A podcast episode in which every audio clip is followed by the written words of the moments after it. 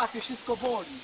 Dzień dobry. To kolejny odcinek Guilty Leisure i 29 dowód na to, że naprawdę można robić rzeczy tylko z pasji. Jako, że mamy powoli wakacje, a właściwie, no, w sumie wakacje jak wakacje, tak? Bo generalnie pracują ludzie, niektórzy, nawet część z naszego duetu również, a druga część też pracuje tylko w inny sposób. A ten duet to, to kto jest? Rafał Tomczak i Maciej Grzenkowicz, czyli my, czyli tak zwany potężny guilty, e, jak się na nas czasem mówi. Skoro mamy wakacje, to stwierdziliśmy, że czas na lekturę taką wakacyjną. Chociaż lektura wakacyjna jakoś implikuje, że to będzie jakieś inteligentne, co do czego myślę, że Rafał może mieć wątpliwości pewne, ale jak generalnie lubię ten film i to ja go zaproponowałem i chodzi o wakacje Jasia fasoli. No i co, Rafał? Powiedz mi na początek, czy ty widziałeś wcześniej? Widziałem i powiem ci nawet, że, że całkiem dobrze zapadł mi w pamięci. Aha, czyli potem jak zweryfikowałeś, co ta pamięć... No i drugi tydzień, wiesz, z rzędu przyszedł pan Maruda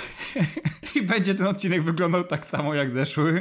Przepraszam. Posłuchajcie, jeśli słuchaliście wcześniejszego odcinka, to będzie praktycznie to samo. Ja będę mówił, że no tak, rozumiem, ale mi się w sumie podoba. Rafał mówi, że no dobra, okej, okay, rozumiem, że ci się podoba, ale mi się nie podoba. Więc jakby, jeśli to was nie satysfakcjonuje, przeskipujcie do drugiego segmentu. Tak, jakaś 17 minuta, to już będzie na pewno drugi segment. Jakaś 17 minuta, tam jakieś głupie żarty będziemy mówić w tym momencie, no to właśnie ten. Dobra. Chodzi o to, że Wakacje Jasia Fasoli to jest film, który został wypuszczony na światło dzienne w 2007 roku. No i właśnie, i dlaczego? dlaczego został wypuszczony w ogóle? Jezus Maria, dobra, weź, weź się tato. Naprawdę, boomerze, wiesz, stop, to jest dobry film. Dobra, w każdym razie został w tym 2007 roku wypuszczony. Nie zgodzimy się do tego, czy to była dobra decyzja, czy nie, w każdym razie został. No i on w ogóle został wyreżyserowany przez Steve'a Bendelaka, e, no ale oczywiście najważniejszy tutaj jest sam Rowan Atkinson, e, wypowiedziane z brytyjskim akcentem pseudobrytyjskim nie bez powodu, no ponieważ jest to właśnie Brytyjczyk i to taki nie bez kozery, nie, nie, nie w kij dmuchał. Wiesz na przykład, co on ukończył? Jakie studia? Nie mam pojęcia. Jest generalnie e, magistrem, inżynierem elektryki na Oksfordzie. O, no proszę, no to nice. Kto by się spodziewał po tym człowieku? Generalnie pamiętam jeszcze z czasów dzieciństwa jakiś artykuł w Super Expressie, na którym właśnie było jego zdjęcie i był podpis czy wierzycie, że ten człowiek poszedł na Oxford? Co było jakieś trochę dziwne z perspektywy czasu. W każdym razie zapamiętałem to i sprawdziłem i właśnie tak się stało. No i Rowan Atkinson to jest generalnie ten gość właśnie od Jasia Fasoli i od Johnego Englisha i od jakichś innych rzeczy, które już u nas generalnie nie są jakieś bardzo znane. John też jest o wiele mniej znany niż ten Jaś Fasola, no bo to jest jednak legendarna postać. Był i sitcom pierwszy, do tego się zaczęło. Był film pełnometrażowy, była też kreskówka. No i był również drugi film pełnometrażowy. Sam Rowan Atkinson mówi w ogóle o Jasiu Fasoli, że pomysł na to to jest, żeby jakby dziecko zamknąć w ciele człowieka, takie dziecko, które się kompletnie skupia na sobie i nie na świecie takim no dookoła niego, ale jednak w tym filmie, w wakacjach Jasia Fasoli, to się skupił na tym, co jest dookoła niego, bo chodzi właśnie o to, że Jaś Fasola wybywa do Cannes nad morze, no i dzieją się różne przygody wtedy. Tak wracając do tego, co powiedziałeś właśnie o dziecku zamkniętym w ciele dorosłego człowieka, no to właśnie ja, ja tak zapamiętałem tego Jasia, on tam zawsze chodził z tym miśkiem, taki był nieporadny, no i tak z perspektywy czasu się może zastanawiać, że kurczę, jak w ogóle zrobić film, żeby kurde ten koncept jakoś w dalszym ciągu miał sens, miał ręce i nogi. No i faktycznie jest to ograne w całkiem niezły sposób, no bo Jaś Fasola jako postać nigdy specjalnie zbyt wiele nie mówił, no i tutaj też nie mówi, no po prostu nie zna języka, więc może robić te swoje głupie miny, wydawać jakieś takie bliżej niesprecyzowane dźwięki, no i w sumie to little zdaje egzamin. Nie zna języka i co więcej nie zna języków, ponieważ e, właśnie takim jakimś klucz tej podróży do Cannes jest to, że w pewnym momencie musi zacząć opiekować się dzieckiem rosyjskiego reżysera, które po prostu pojechało z nim pociągiem, a rosyjski reżyser e, no nie zdążył wsiąść z powrotem do pociągu po tym jak pomagał Jasiowi nagrać jego spektakularne wejście do pociągu. W związku z tym właśnie wygląda to tak jak powiedziałeś. Ja się sam zastanawiałem nad tym, czy w tym filmie w ogóle potrzebne są dialogi, bo ten film to praktycznie jest film niemy moim zdaniem. No tak, to znaczy ja w ogóle ciężko mi sobie przypomnieć, jak brzmi głos Rowana Atkinsona w sumie. Nawet już po, po seansie po prostu. To znaczy on jest tak bardzo zżyty z tą postacią Jasia Fasoli, zresztą wiadomo, że no to jest rola, która zdefiniowała jego karierę, jasna sprawa, ale wiesz, jest gość, którego twarz znają wszyscy, natomiast jeżeli chodzi o głos, no tutaj są problemy. Są problemy. W paru miejscach się odzywał i nawet sobie to zapisałem, bo mnie to rozśmieszyło całkiem, ponieważ ta gra głosem no jest jakby minimalna, tak? To jest jakby jakiś znaczek pocztowy czy coś. No nie wiem, na wielkim, na wielkiej kopercie tego filmu. E, w każdym razie e, chodzi o to, że w pewnym momencie on mówi, to mnie bardzo rozbawiło, jak podchodzi do taksówkarza i właśnie pokazuje mu, gdzie chce dojechać, czyli do Gare de Lyon, czyli do dworca liońskiego i mówi czu Gare de Lyon. I wiesz, rzeczywiście bardzo mało mm, tego jest i w sumie to, co jest, to mogłoby zostać również zastąpione, ale coś tam jakoś można wychwycić. W każdym razie w ogóle mam wrażenie, że ten film mógłby być bez dialogów, dlatego że właśnie to aktorstwo Jasia Fasoli, z którym mam wrażenie, że można mieć w ogóle e, właśnie największy problem, jaki jest same, całym clue tej całej postaci, właśnie jest jakąś taką bezpośrednią kontynuacją filmów niemych. Może coś w tym być, no w sumie wiesz, jakby jakbyś popatrzył na serial, to on w ogóle jeszcze bardziej się wpisywał w ten kanon, no bo jednak w momencie, w którym powstaje film, no to wiadomo, że oczekiwania są troszeczkę inne. Jak idziesz do kina, no to jednak trudniej byłoby, przypuśćmy, dzieciom wysiedzieć na filmie w pełnym skupieniu i jednak wiesz, nie usłyszeć ani razu głosu Jasia Fasoli, więc trochę tego głosu się tutaj pojawiło jak, jak jakiś tam następny krok w tej historii samego Fasoli. Natomiast faktycznie, no ten głos, myślę, że nawet jakby było bez głosu i bez części dialogów, to nawet byłoby lepiej, z korzyścią dla tego filmu po prostu prostu, no bo te dialogi, jak już one były, no to nie wiem, no to jakby nie, nie, nie szczególnie nawet pchały fabułę do przodu, więc naprawdę można by było z tego zrezygnować. I szczególnie pchały do przodu fabułę, nie były najważniejsze, ale za to mam wrażenie, że dzięki temu zyskała na wadze muzyka, która rzeczywiście ponownie jakoś w tej tradycji filmów, mam wrażenie głównie przedwojennych, bardzo żywo reagowała na to, co się dzieje na ekranie i jakoś zastępowała ten e, język. No ale w gruncie rzeczy zaczęliśmy od e, niezgody i w sumie o to chciałem cię zapytać, dlaczego właściwie ci się ten film nie podobał? Ja podczas oglądania tego filmu zacząłem sobie zadawać chyba kluczowe pytanie, mianowicie, czy ja kiedykolwiek lubiłem Jasia Fasolę? I kurczę, jakoś tak zawsze akceptowałem to, że on jest po prostu. I zawsze jak leciał, to o, Jaś Fasola to jakby robi głupie miny, więc sobie popatrzę. Ale jakby się tak zastanowić, to ja nie jestem przekonany, czy darzyłem go jakąś specjalną sympatią. Oglądałem te pojedyncze odcinki, pamiętam też jego występ na Igrzyskach w 2012 roku. I za każdym razem mam wrażenie, że to było tak jakby bez szału. To znaczy, nigdy jakoś sobie właśnie nie zaskarbił mojej sympatii, ale jednocześnie jak sobie przypomniałem, jak oceniłem ten film, no to Wakacje Jasia Fasoli, no to nie było tak źle. Natomiast jak już faktycznie oglądałem go teraz po wielu, wielu latach, no to miałem problem, mianowicie mam wrażenie, że te żarty były po pierwsze trochę boomerskie, a po drugie one były nudne. To znaczy mam wrażenie, że większość z tych gagów trwała na tyle długo, że one po prostu mnie wymęczyły. Masz jakiś żart taki, który ci tak najmocniej wymęczył? To znaczy, wiesz co, nie wiem, który najmocniej, natomiast myślę, że dobrym przykładem jest to, że jest żart, który polega na tym, że oni dzwonią pod różne numery telefonów, no i oni tam się dodzwaniają do różnych osób, oczywiście nie tych, do których chcą. No i oni jakby zrobili to raz w tym filmie, a potem chyba stwierdzili, że ten żart jest na tyle udany, że jakieś 30 minut później robią dokładnie to samo. I jakby mamy dalszy ciąg żartu, który powinien się skończyć po dwóch, trzech próbach, no a oni jakby to przedłużają i to wraca, nie pcha fabuły do przodu, a jednocześnie nie jest specjalnie zabawne, bo to już zbyt długo trwa. No w sumie mnie to nawet bawiło momentami. Nie zawsze, nie cały czas, ale akurat czasami ogranie tego, jak to właśnie ktoś odbiera zupełnie losowy, nawet mnie rozbawiało, chociaż przyznaję, że trochę mnie wkurzyło to, że od razu praktycznie się dodzwonili na właściwy numer, potem już po prostu wiedzieliśmy, że się nie dodzwonią, tak? No to już było wiadomo, że się nie dodzwonią, no i po co tak dalej dzwonić? E, czyli po prostu żarty cię nie śmieszyły. No tak, tylko że wiesz, problem polega na tym, że na samym początku ta narracja była dosyć szybka, znaczy on szybko jakby dostaje bilet na swoje wakacje i się wydaje, że tak szybko po prostu przenosimy się razem z nim w miejscach, w czasie, a potem te gagi są właśnie na tyle nudne, jakoś mam wrażenie, że brakuje bodźców po prostu podczas oglądania. To znaczy, wiesz, jakby nie ma czegoś takiego, żebym ja stwierdził, o kurde, to jest ten kluczowy moment, o kurczę, to jest ten najśmieszniejszy żart. I z jednej strony oczywiście te żarty są takie niewinne i głupawe, że wiesz, no oglądasz to i się uśmiechasz trochę tak pogodzony z losem w sumie sumie, ale jednocześnie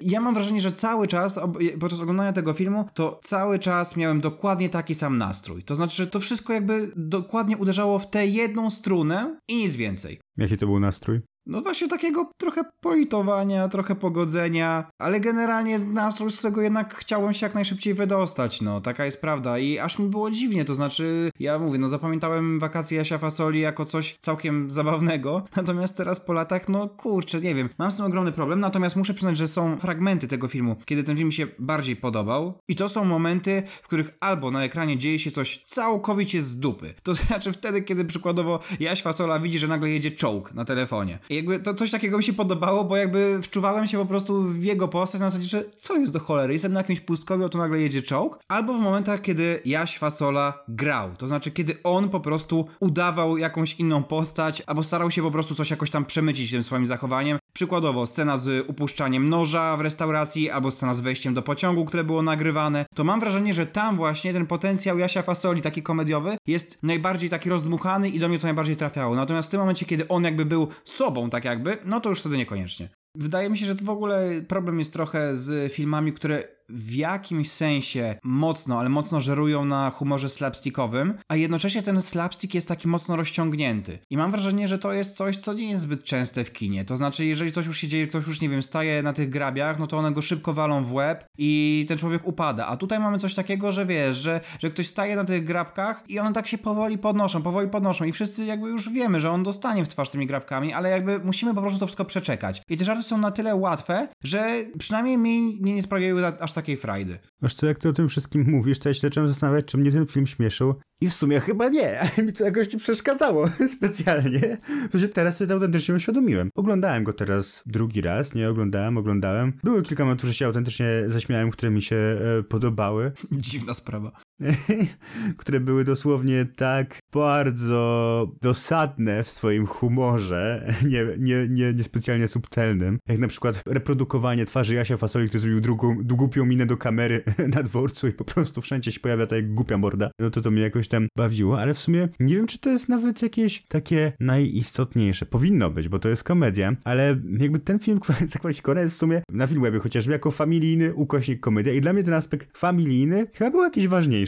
To, jak, jak wygląda ta relacja z tym typkiem, z tym synem tego reżysera, jak próbują to sobie ułożyć, jak próbują się porozumieć mimo bariery językowej, wydaje mi się całkiem jakieś dotykające nawet. Nie, no to prawda. Jeszcze potem w sumie się w jakimś sensie odnalazła matka i tak sobie jechali we trójkę. Każdy z nich mówiło innym językiem, no ale jednak jakoś tam potrafili się dogadać tak życiowo. I oczywiście, no to było urocze. To było na tyle urocze, że na samym końcu, jak cała obsada w scenie finałowej zaczyna śpiewać i nagle zmienia się to wszystko w jakiś musical, a właściwie bardziej w jakiś lip dub, to jakby ja już nawet jestem pogodzony. Mam takie pewnie, że tak, śpiewajcie, dobrze, fajne jest życie. Ale serio, w sensie mówię to nie ironicznie w tym momencie. Znaczy, jak oni zaczęli śpiewać, to jakby to, że byłem taki, no i git, śpiewajcie.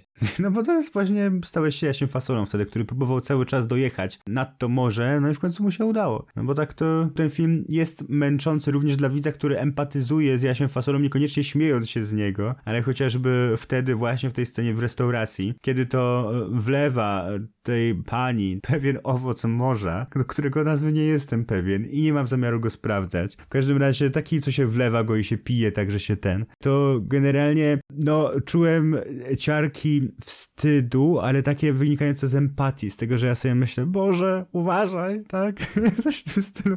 Na tym poziomie też może to jakoś tam działać. No ja sobie pomyślałem, że kurczę, może ten film w ogóle, o, oprócz właśnie takich gagów, może nam oferuje coś więcej. Tak się zacząłem zastanawiać, kurczę, może tutaj jest um, jakaś taka satyra na amerykańskie kino artystyczne w Cannes. I tak prze, przemknęła, wiesz, mi przez głowę taka myśl, a potem mówię, nie, nie, nie, nie, nie, wracajmy, wracajmy na ziemię. I w sumie to dobrze akurat, bo mam wrażenie, że jeżeli to by miała być faktycznie jakaś satyra, to by to była, nie wiem, nie wiem, czy do końca udana. Więc już wolę po prostu patrzeć na, na Jasia Fasole. I jeszcze zwróciłbym uwagę na to, że jak ten film w ogóle był nakręcony, nakręcone, mianowicie tam niektóre sceny były takie jakby standardowe po prostu ze Steadicamu. Inne były właśnie w stylu jakiegoś e, horroru niemalże found footage, no bo to Jaś Fasola kręcił, więc wiadomo, że to musiało tak wyglądać, z ręki po prostu. Natomiast jeszcze z innej strony były w ogóle kamery tak jakby kręcące Jasia Fasolę z ukrycia. I tu się zdziwiłem, tak jakby wiesz, ktoś go po prostu podglądał. No i miałem wrażenie, że w ogóle tutaj, jeżeli jest jakaś satyra, to w ogóle na ludzi z aparatami i kamerami. Tak sobie pomyślałem, że ten film właśnie w sumie kurczę o tym opowiada trochę, o gościu, który przez to, że ma tę kamerę, no to wplątuje się w masę jakichś dziwnych sytuacji. Jednocześnie my często też widzimy jego samego przez właśnie obraz kamery. Znaczy myślę, że ten film jest satyrą na parę rzeczy i jeśli chodzi o kino artystyczne, to myślę, że, że, że jednak w sumie też tak, bo to napięcie w sumie między festiwalem w Cannes, a jakby samą, całą formą tego filmu, myślę, że, że, że trochę jakoś działa. Zresztą między tym, jak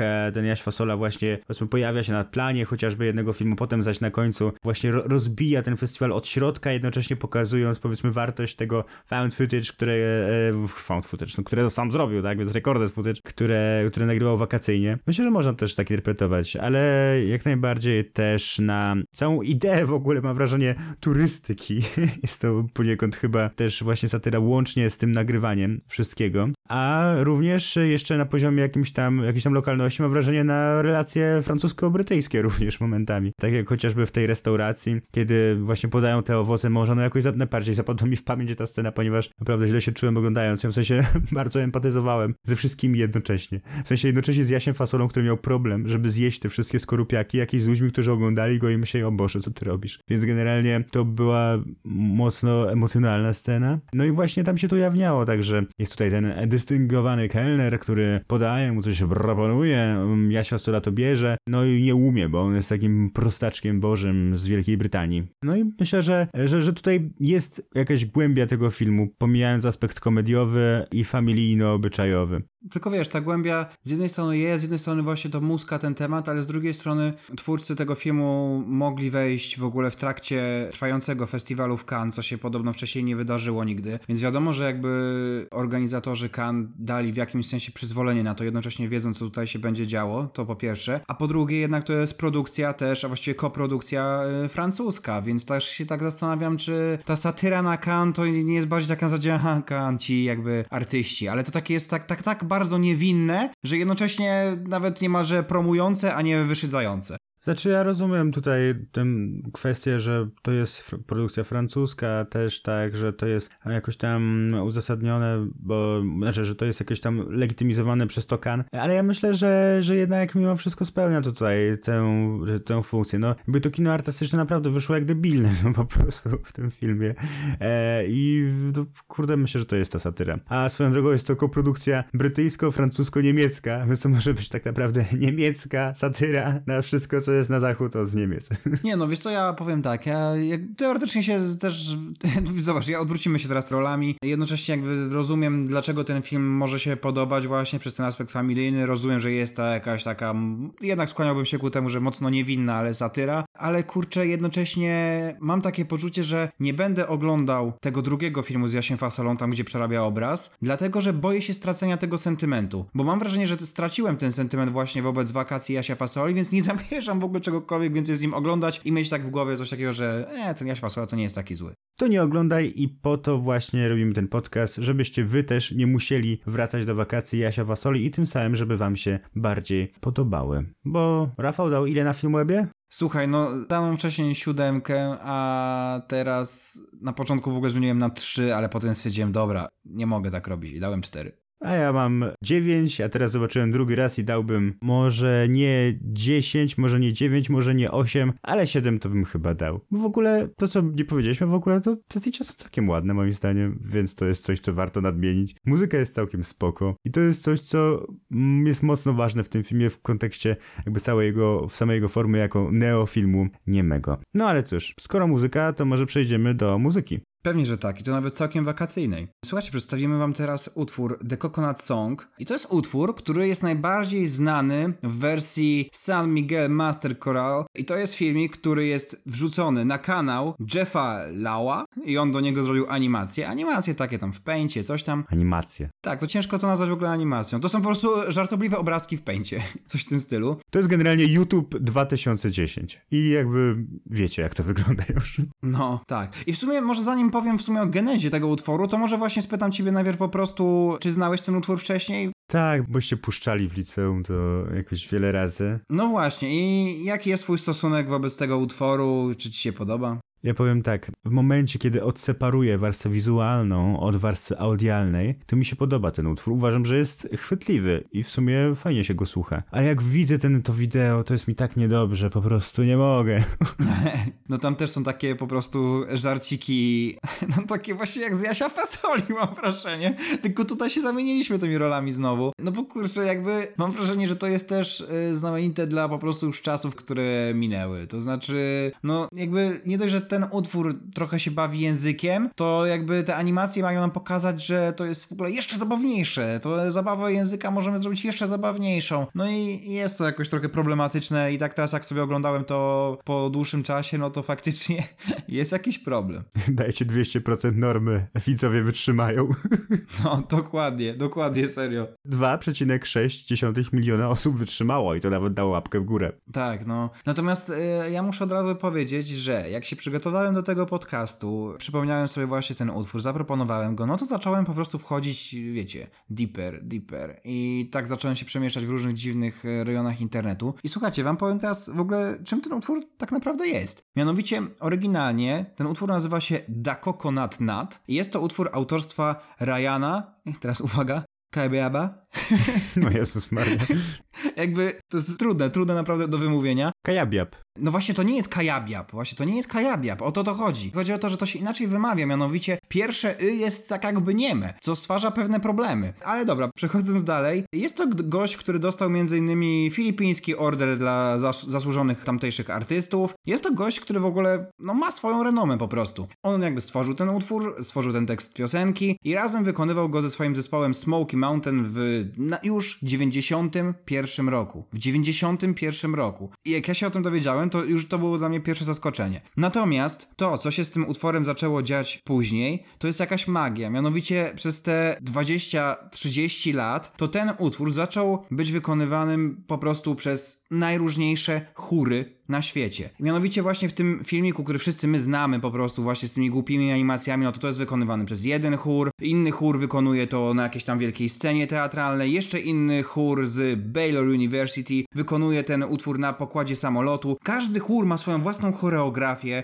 także jest no masa coverów, masa właśnie lip-dubów, jest tego pełno i nagle się okazuje, że ja po prostu wyszedłem z tego konkretnego filmu z tymi właśnie animacjami. I teraz w ogóle te animacje to jest najgorsza rzecz w tym wszystkim tej całej historii po prostu. Więc bardzo polecam po prostu przesłuchanie sobie wszystkich innych wersji. Dosłownie, każda inna wersja jest lepsza. W sensie każda inna wersja typu e, wizualnie, tak? Bo, bo sama melodia chyba jest spoko. Tak, melodia jest super i w dalszym ciągu uważam, że ten e, San Miguel Master, ten chór właśnie, to właśnie zrobił rewelacyjną robotę. Ale wizualnie, kiedy widzisz po prostu, wiesz, ludzi ubranych, wiesz, w garnitury, w jakieś eleganckie e, wieczorowe suknie i oni śpiewają po prostu durną piosenkę o kokosie, no bo jakby ten utwór jakby mówi o tym po prostu, co można zrobić z kokosem. I w sumie tyle. I oni po prostu, wiesz, wiesz, wielkie orkiestry, wielkie coś tam i takie wielkie przedsięwzięcie, a jest durna pioseneczka, no i to jest piękna sprawa po prostu. I w momencie, w którym zostajemy pozbawieni tego i oglądamy te animacje, no to w ogóle nie dociera do nas jakby sedno tej, tej, tej sytuacji. A ty wiesz, jaka jest geneza w ogóle powstania tego utworu? Oprócz tego, że wiadomo, że, że, że tam ten Ryan właśnie ją nagrał, że nie wiem, że on sobie usiadł jakoś wieczorem, coś tam zaczął sobie bezgrolić. No niestety, kurczę, nie dokopałem się do tego. Ktoś tam sobie pisał, nie? Coconut, nut, it's a giant nut, if you eat too much, you'll get very fat. I tak pomyślał. Ej, ale tak serio. I teraz pomyśl sobie, że wiele lat później, jak na Filipinach pojawił się m.in. Barack Obama, no to oni go witali tym utworem, ogarniasz? Jakby... I w ogóle Rum Malibu też ma prawa do tego utworu. Jakby, ja nie wiem, to jest jakaś magia. To, co się zadziało, to jest po prostu magia, więc walić te obrazki, walić tego painta, chociaż samo wykonanie, tak jak już powiedzieliśmy, jest naprawdę super, ale ta, ta chórowa jakby wielość głosów i te wszystkie choreografie, no to jest rewelacyjna sprawa, więc ja polecam po prostu się zatracić na YouTubie i obejrzeć obejrzeć masę przeróżnych wykonań. Może podróże Baracka Obamy to też jest osobny temat. Wiesz co on dostał jak e, poleciał do Polski? No, nie, nie wiem. Wiedźmina na PC. Tak? tak. Więc sobie jedzie w jedno miejsce, witają go czymś takim. Mam szczerą nadzieję, że puścili przy okazji na rzutniku tę animację. I potem leci sobie do Polski i dostaje giereczkę. No i kurczę, żyć nie umierać, nie? Jezu, super, super to życie miał. Teraz to nie wiem. A potem do tego Egiptu pewnie poleciał z tą okropną orkiestrą, która gra te okropne hymny narodowe i po prostu miał podróż życia. Mogło tak być, no ale już co, co się nachapał, to jego. No właśnie, już wystarczy. Teraz czas na nowy ten. Powiem tak, na co czas? Na jutro. Nie, bo jutro może nie być. Więc przechodzimy w ten sposób płynnie do e, utworu. To było płynne? To było płynne przejście.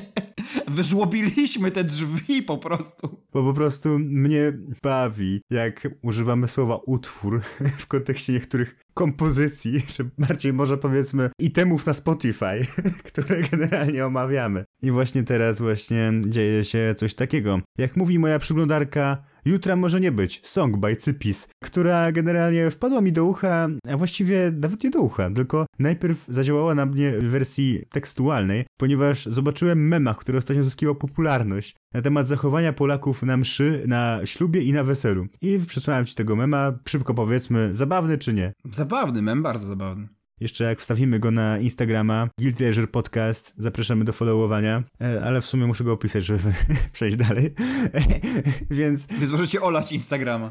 Więc możecie olać Instagrama. No generalnie chodzi o to, że w kościele oczywiście tam są takie Pokémony i w kościele takie spokojne Dorime, nie? Modlą się. Pikachu i Togepi. No właśnie. A potem na weselu w piździe dupie kutas chrupie, co się dzieje w tej chałupie. I Pikachu sobie tańczy do tego z jakimś innym debilem. Togepi, to jest Togepi gościu. Z jakimś Togepim. Więc no właśnie jest ten mem. Ja go wysłałem e, naszej znajomej Kindze, pozdrawiamy Kingę. I ona powiedziała, że widziała, ale że czy ta piosenka jest na serio? Ja stwierdziłem, kurde, czy jest na serio? Wyszukałem ją.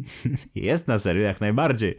Jest bardzo na serio. To jest cytat właśnie z Jutra może nie być Cypisa. Ja nie jestem w ogóle jakimś fanem Cypisa. Wiadomo, że Zjazd to jest no jakby klasyk. Taki mega klasyk, to serio, nie, nie mi się to podoba. A tutaj, no myślę, że właśnie to jest takie coś na pograniczu tego, co mi się podoba i co mi się nie podoba. Czy ty jesteś zaznajomiony z twórczością e, Cypisa? Tak, y, i poznałem go oczywiście kiedy? No w momencie, kiedy byłem na studenckim wyjeździe integracyjnym. I myślę, że to jest idealny moment, żeby Cypisa poznać, a potem wracając do normalnego, codziennego życia, należy o nim zapomnieć jak najszybciej. Mianowicie to jest serio gość, który się idealnie nadaje do naszego podcastu. Idealnie, bo uważam, uważam, że on jest rewelacyjny i w pewnych momentach się sprawdza naprawdę świetnie w takim właśnie konkretnym, klubowym szale, takim mocno ekstremalnym i się wtedy sprawdza, pewnie, że tak. Natomiast, no kurde, siedząc samemu w domu i słuchając tego i zastanawiając się nad narracją, to po prostu nie mogę. To nie mogę. Znaczy, ja rzadko kiedy mam taki odruch, że myślę, że coś jest po prostu okropne, ale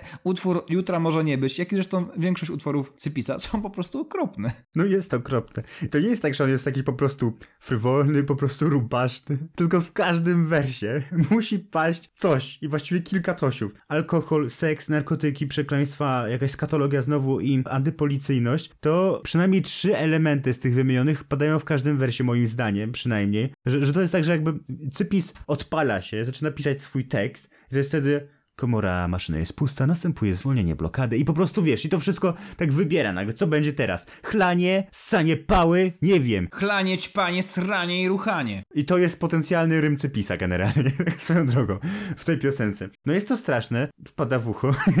No właśnie, to jest straszne. To jest też straszne właśnie, ale no ten, ten, ten tekst jest przerażający. No jest, jest, jest, a potem wiesz, a potem ci jednocześnie wjeżdża jakiś refren, nawet niekoniecznie z tego utworu, ale jakaś biała mewa albo szósty dzień tygodnia. No i wiesz, no i, i bansujesz, no i bansujesz do tego, a potem znowu słyszysz ten tekst i jesteś kurna w szoku, że ci się to podoba. To jest tekst, żeby go śpiewać, ale żeby go nie znać. W sensie, żeby go śpiewać bez zrozumienia tego, co się śpiewa mniej więcej, nie? Że jak śpiewasz ze wszystkimi w klubie, w piździe, w dupie, kuta chrupie, co się dzieje w tej chałupie, super, nie? A potem rano, dziesiąta pijesz kawę, nie? Mówisz sobie w piździe, w dupie, kuta chrupie, co się dzieje w tej chałupie, myślisz, ojej, oh my god.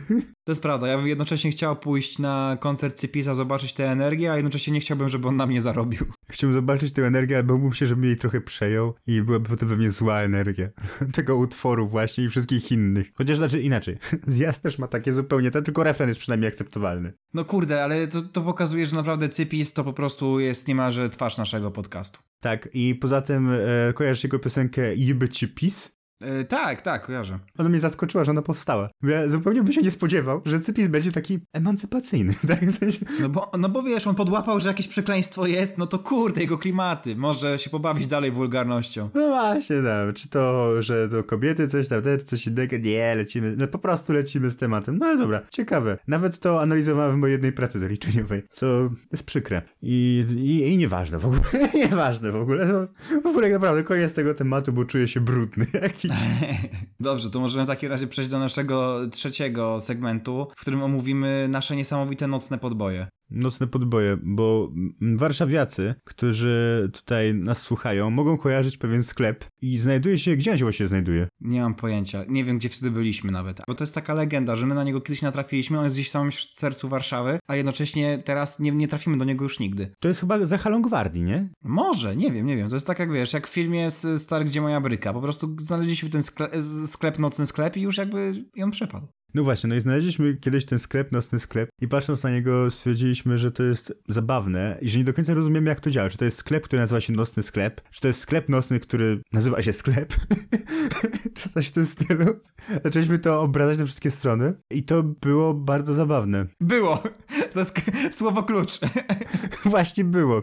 I teraz z perspektywy czasu nie wiem, czy to jest tak zabawne. Zobacz, teraz możemy się bardziej zastanowić nad tym, że kurczę, w zależności od tego, z której strony umieścisz yy, określenie, jakiś przymiotnik, to, to masz raz niedźwiedź brunatny, brunatny niedźwiedź, a oni się jakby, oni się nie walą w to, jakby oni po prostu robią sklep, nocny sklep i, i to jest tak jasny przekaz, jak w przypadku herbatki dobrej. Po prostu, jakby jak mówisz, że idziesz do nocnego sklepu, albo jak idziesz do sklepu nocnego, to idziesz tam, to jest po prostu monopolizacja i chuj. Zmonopolizowali semantykę języka polskiego. No, ale w ogóle to jest jakiś pomysł. Guilty Leisure Guilty. Guilty Leisure Guilty to jest też moja notatka. Dosłownie, miałem moje dwa ulubione to jest Guilty Leisure Guilty i Jan Niezbędny Jan. A moje to jest jeszcze, jakby pójść krok dalej, Radio Nowy Świat, e, Nowy Radio. O Jezu, no, dobra, dobra, jest, z każdym kolejnym jest coraz gorzej. O Jezus Mary, ale zły segment. No zły, zły, dlatego słuchajcie, kończymy ten odcinek, jaki był, każdy wie. Zdarzają się i takie, słuchajcie, oby, oby na rocznicę, na jaką kurwa rocznicę, oby na 30 odcinek forma dopisała bardziej niż dzisiaj. Biedny Filip. Filip, serdecznie cię pozdrawiamy, wymontujesz nam to na pewno bardzo pięknie, także wszyscy się na pewno będą bawić przecudownie. Do zobaczenia. Do zobaczenia, nigdy. Siema. W naszym jinglu usłyszeliście utwór Le Grand Chase w wykonaniu Kevina MacLeoda. Wystąpił w nim oczywiście również Paweł Jumper, a realizował nas Filip Markiewicz.